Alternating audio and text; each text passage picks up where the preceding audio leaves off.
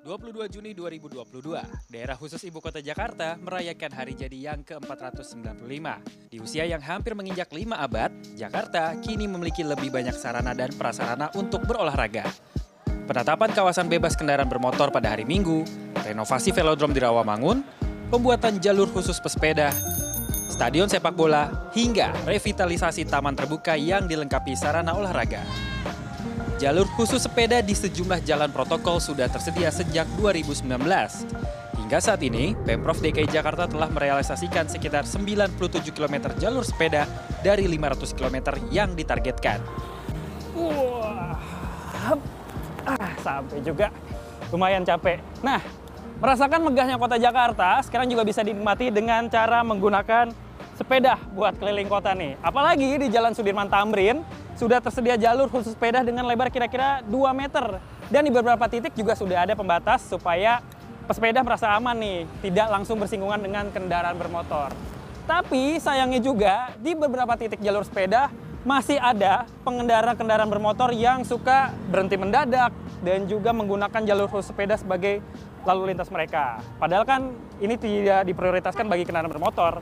Nah, yang paling penting adalah kesadaran sesama warga Jakarta untuk menghormati satu sama lain agar tidak saling bersinggungan di jalan raya. Lanjut jalan-jalan lagi. Pada 2022, Pemprov DKI Jakarta berencana menambah 195 km jalur sepeda baru di 20 wilayah Jakarta. Biaya yang bakal dihabiskan diperkirakan mencapai 119 miliar rupiah yang diambil dari APBD. Jalur sepeda juga akan disediakan di wilayah perbatasan ibu kota dan daerah penyangga. Warga yang ingin bersepeda di tempat khusus dapat melakukannya di gelanggang olahraga Velodrome di kawasan Rawamangun, Jakarta Timur. Pertama resmi Jakarta International Velodrome, gelanggang olahraga ini sejatinya telah berdiri sejak 1973. Velodrome Rawamangun direvitalisasi dengan tampilan lebih modern pada 2016 dan diresmikan pada 15 Agustus 2018 untuk penyelenggaraan Asian Games dan Asian Para Games 2018. Jakarta International Velodrome juga telah mengantongi sertifikat standar internasional dari Federasi Balap Sepeda Dunia atau UCI. Tak sekedar menjadi arena balap sepeda, Velodrome Rawamangun juga menyediakan sejumlah sarana olahraga lain bagi warga Jakarta, seperti lapangan bola voli, bola basket, juga jogging track, dan lain sebagainya. Selain tempat olahraga terpadu, Jakarta juga memiliki fasilitas yang murah dan ramah keluarga, seperti taman terbuka yang cocok untuk berolahraga sekaligus berrekreasi. Salah satunya adalah Tebet Eco Park di Jakarta Selatan, yang baru saja selesai direvitalisasi pada April 2022. Memiliki area seluas 7 hektar, Tebet Eco Park dilengkapi dengan peralatan gym dasar. Terdapat masing-masing 7 alat olahraga di dua sisi Tebet Eco Park.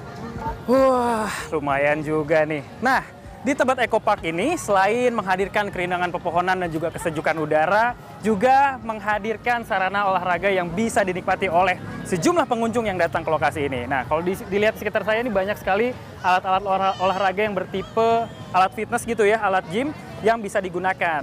Tapi kalau dilihat juga ini lebih banyak anak-anak kecil yang menggunakan padahal alat ini harusnya digunakan oleh orang dewasa untuk berolahraga. Itu artinya perlu adanya pengawasan dan juga perawatan secara berkala agar alat-alat olahraga ini bisa terus terjaga dan tidak cepat rusak. Dan yang paling penting adalah tanggung jawab bersama warga Jakarta untuk memelihara sarana dan prasarana ini semua agar tetap bisa dipakai. Sekarang saya mau lanjut dulu. Fuh. Hadirnya berbagai fasilitas olahraga dan rekreasi ini disambut baik oleh warga Jakarta. Bersepeda saya rasa cukup ya ini infrastrukturnya. Terus jalurnya juga udah bagus. Ya mungkin eh, jalur-jalur uh, yang belum ada gitu boleh ditambah lagi gitu. Di sini tuh sirkulasi udara lebih baik aja sih Ya di sini sih cukup asri juga sih karena walaupun ini ada jalan rayanya tapi pas udah masuk bisa muter di sana larinya cukup gak ada ini sih gangguan asap polusi gitu. Uh, kalau menurut saya sih ya kalau ditambah ya bersyukur, kalau dibilang cukup ya udah cukup juga karena udah terlalu banyak juga. aku saya sendiri sih sebenarnya bagus jadi yang mau olahraga bisa olahraga secara gratis di sini juga Meski pada umumnya menanggapi secara positif, warga menilai fasilitas olahraga dan rekreasi ini masih memiliki kekurangan. Ya itu, kalau lebar cukup, cuman steril ini Pak. Kadang-kadang motor itu masih parkir sembarangan gitu. Jadi sepeda masih terasa terganggu gitu. iya sih iya itu bener kayak kalau bisa ditambah terus juga kayak aku saya lihat sungai itu ada kayak apa ya kotor gitu jadi pengen lebih bersih gitu Agak tadi saya pakai masker, agak sedikit aromanya mungkin dari aliran ah, saluran itu kali tadi ya, kali kali itu doang. Perawatan taman milik bersama ini tentu bukan hanya tanggung jawab pemerintah, tetapi juga warga yang menggunakan fasilitasnya. Kesadaran warga untuk bersama-sama mengawasi dan memelihara taman dan fasilitasnya perlu ditumbuhkan sejak awal agar semua yang berkunjung dapat berolahraga dengan nyaman dan aman. Tim Liputan CNN Indonesia, Jakarta.